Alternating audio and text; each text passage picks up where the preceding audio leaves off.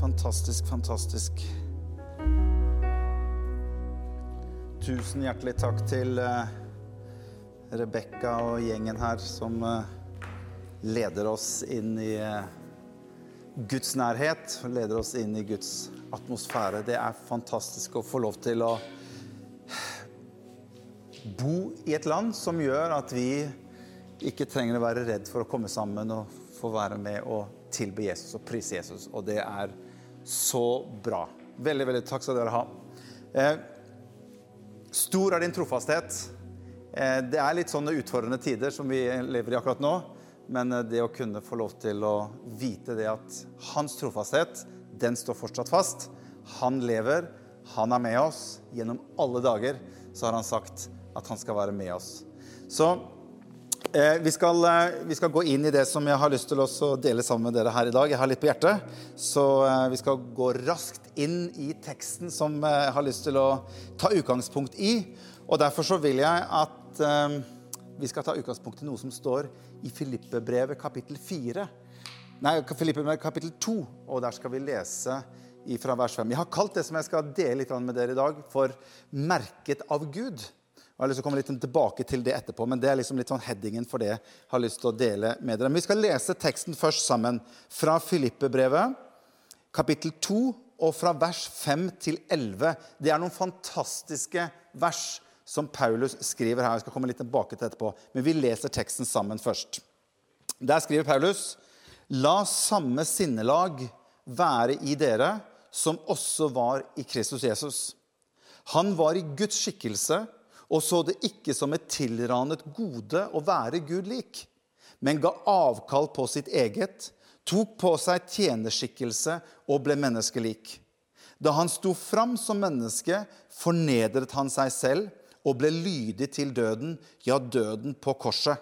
Derfor har Gud opphøyd ham til det høyeste og gitt ham navnet som er over alle navn i Jesu navn skal derfor hvert kne bøye seg i himmelen, på jorden og under jorden, og hver tunge skal bekjenne at Jesus Kristus er Herre, til Gud Faders ære. Jeg mener, dette her er så bra i seg sjøl at jeg kunne nesten ha satt meg ned nå og liksom vært ferdig med hele talen. For dette her, dette her er eksplosivt stoff, det som Paulus skriver her. Men vi skal komme litt tilbake til. Vi ber litt sammen, og så skal jeg dele litt. Kjære Jesus.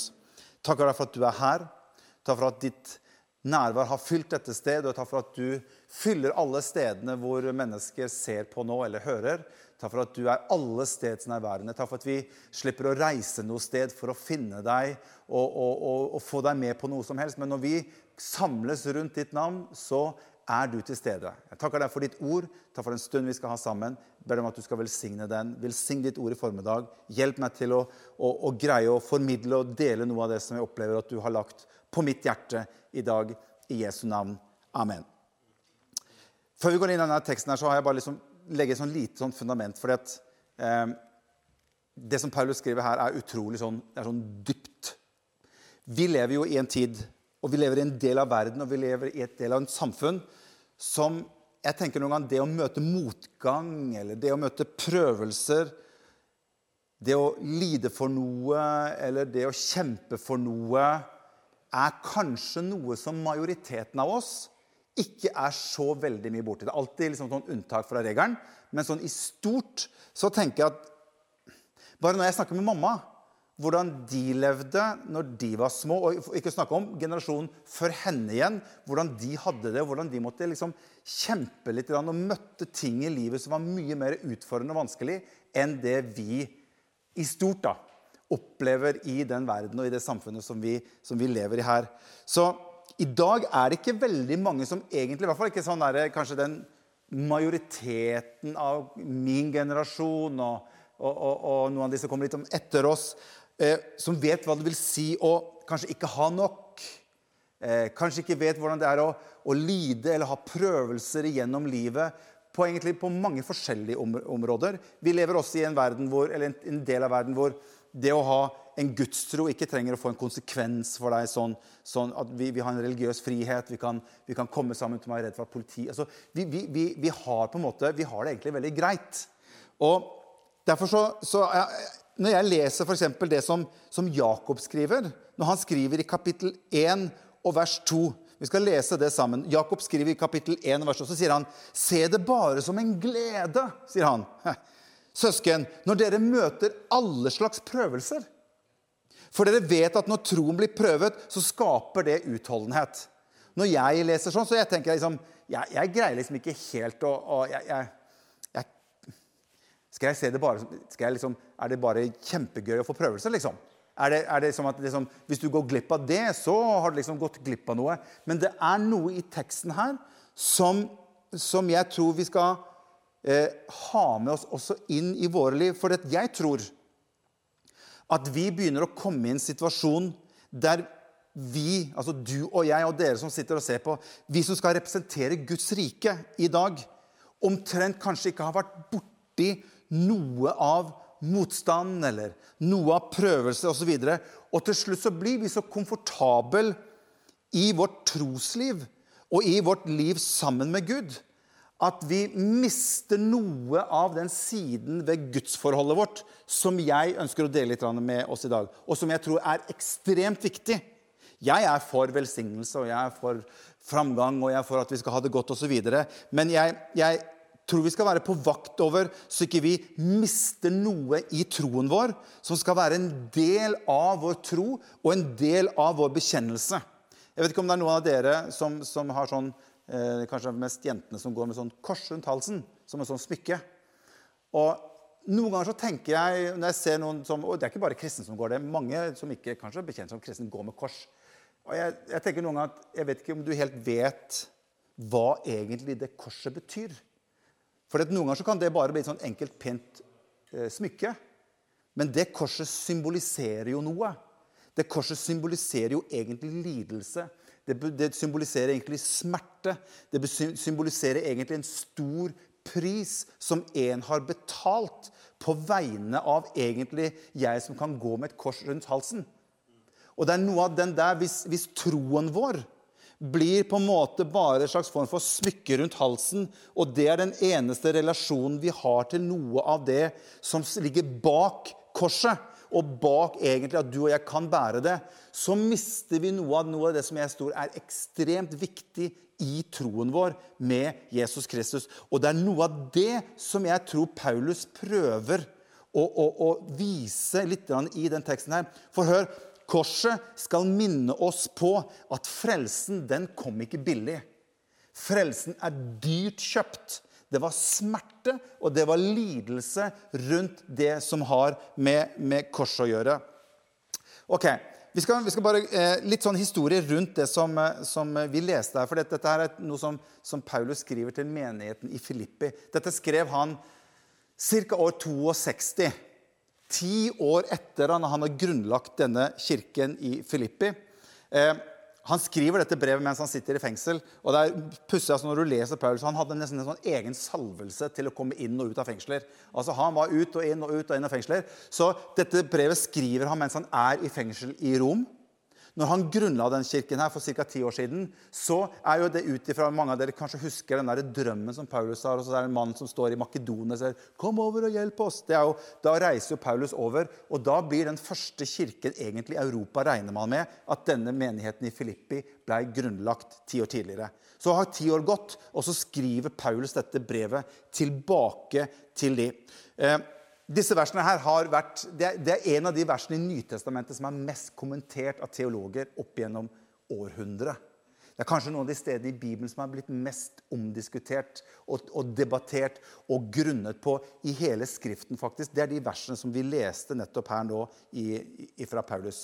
Mange tror at, og mange teologer tror at disse versene her egentlig er en gammel hymne som Paulus legger inn i brevet sitt når han skriver dette brevet til filipperne. Jeg skal ikke komme inn på det. Men det jeg har lyst til å dele litt om, det er hva er det Paulus prøver noe av det Paulus prøver å si oss i disse versene her.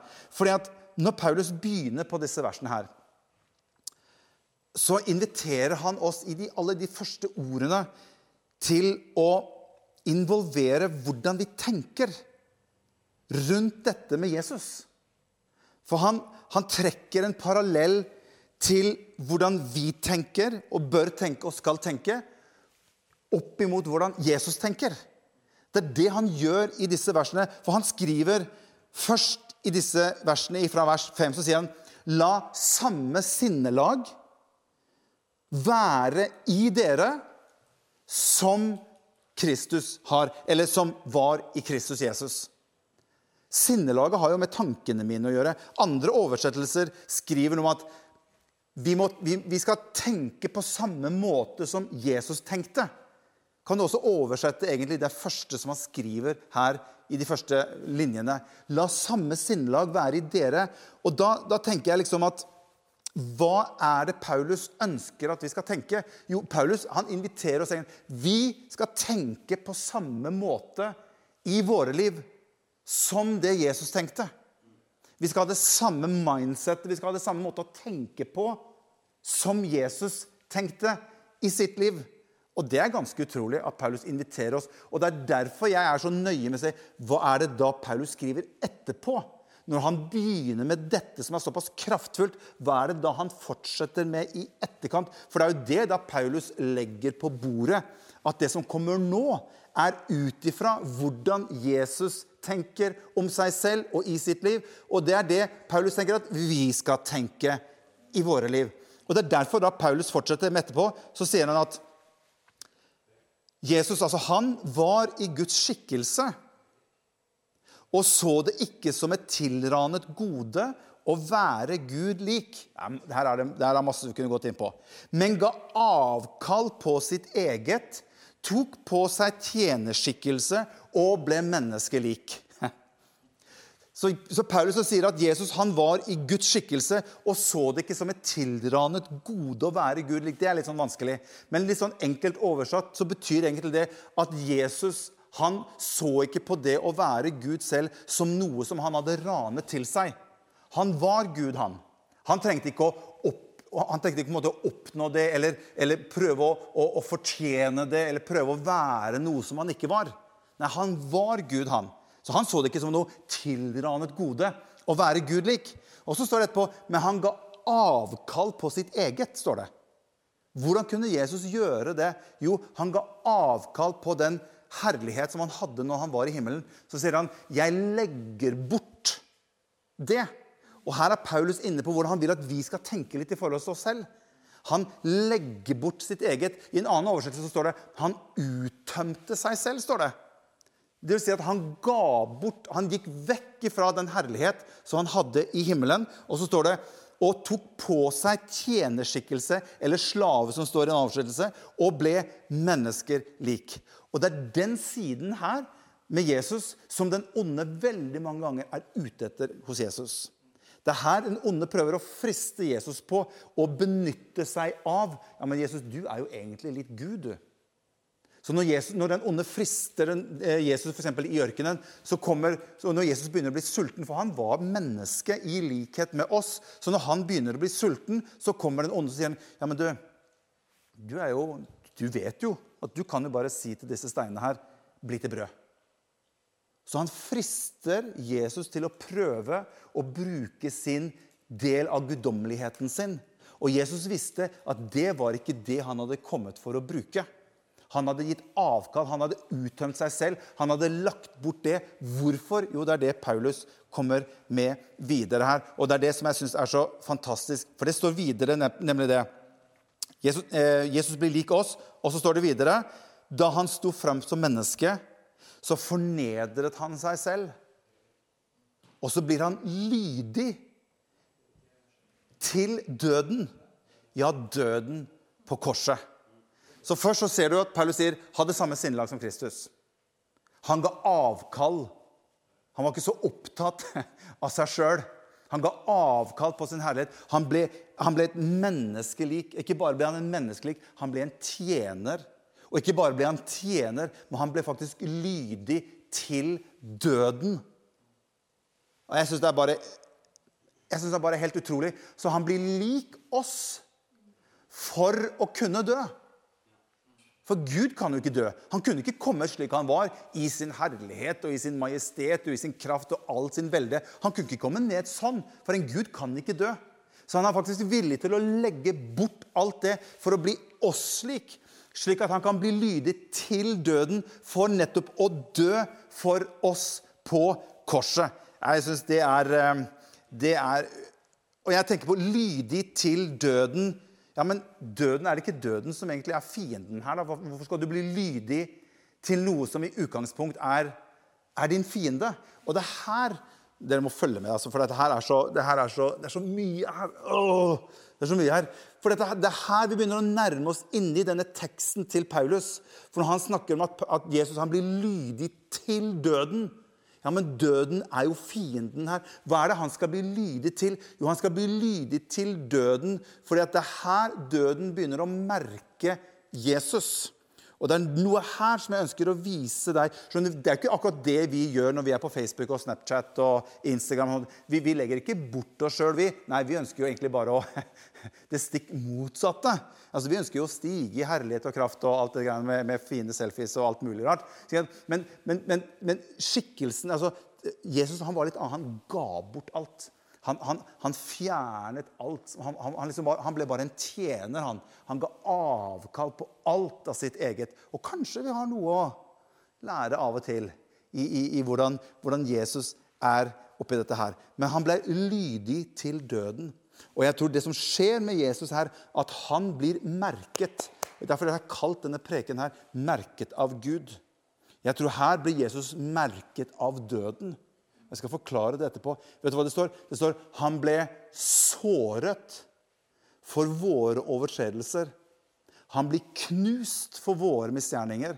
Straffen ble lagt på han for at vi skulle ha fred. Og så står det og ved hans sår, ved hans merker, har vi fått legedom.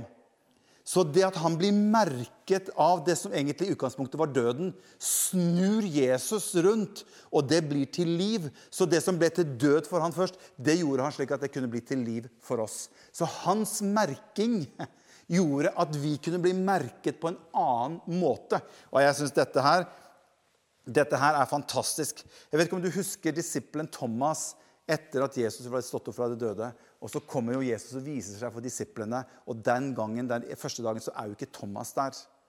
Som kalles for Thomas tvileren. Og så kommer de andre disiplene til Thomas, og så sier de, 'Thomas, vi har sett Jesus.' Han kom når vi var samlet. Han møtte, vi så han. Og, Jesus, og, og Thomas sier, 'Æ, æ, æ. Det tror jeg ikke noe på.' Hva er, det, hva er det Thomas sier for noe da?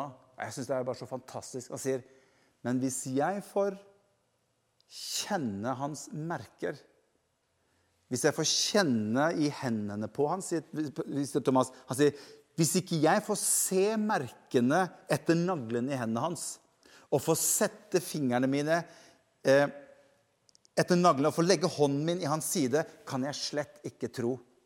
Hvorfor sier ikke, hvorfor sier ikke Thomas at hvis jeg får se ansiktet hans, eller hvis jeg får høre stemmen hans, så skal jeg tro? Nei, det var merkene etter døden som gjorde at det ble et bevis på at det er jeg som var død. Se, jeg lever. Han er lydig inntil døden, og han tar døden, og så beseirer han det. Og så blir det merket hans i etterkant for at jeg er den oppstandende Jesus. Det er meg det er snakk om her. Jeg syns det er fantastisk. Og så fortsetter Paulus med og Derfor han gir oss en innsikt her som jeg syns er så utrolig bra.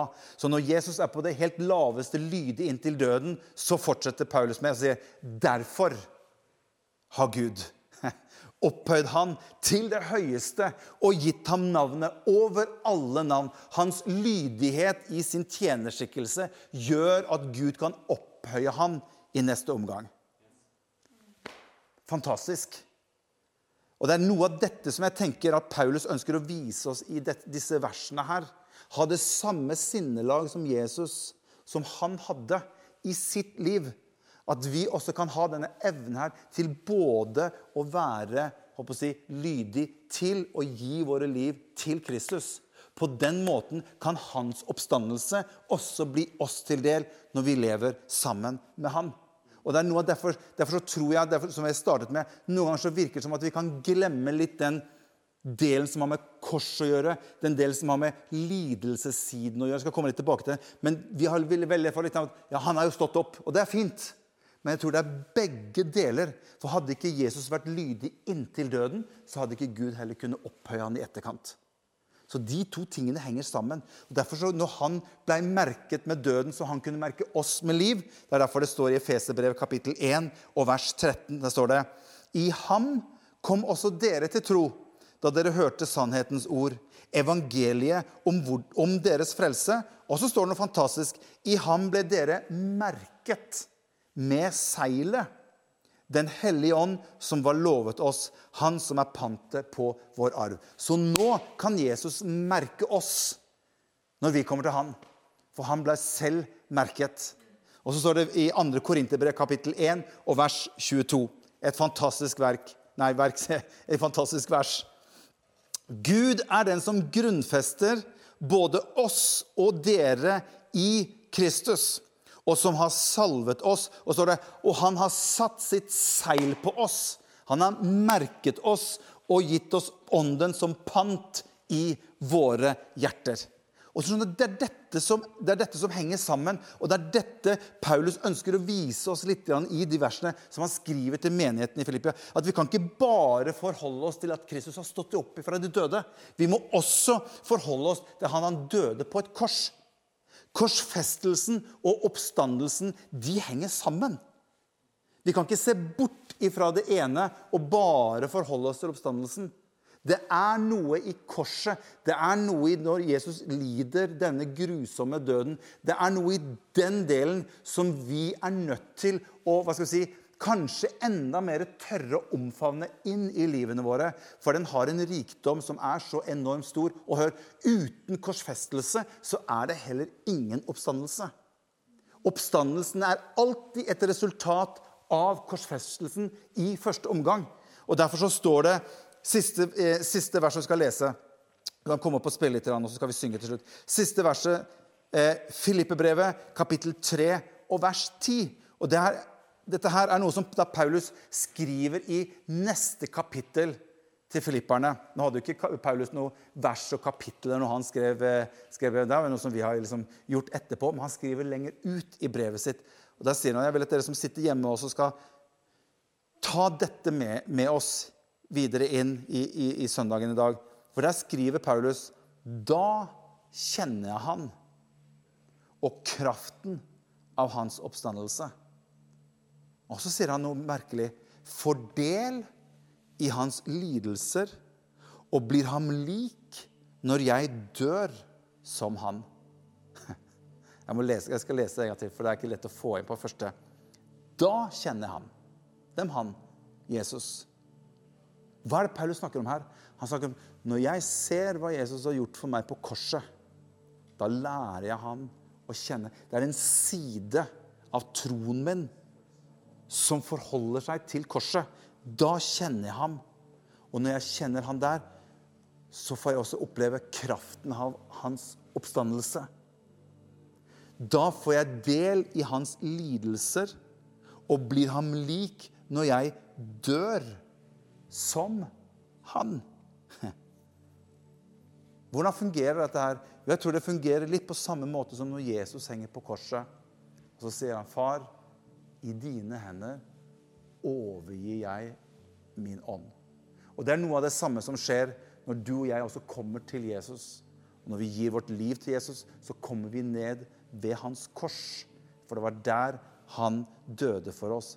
Og så sier han, 'Jesus, jeg gir mitt liv til deg.' Det er det samme som Jesus gjør, far. I dine hender overgir jeg mitt liv. Vi kan komme opp så skal vi synge litt sammen.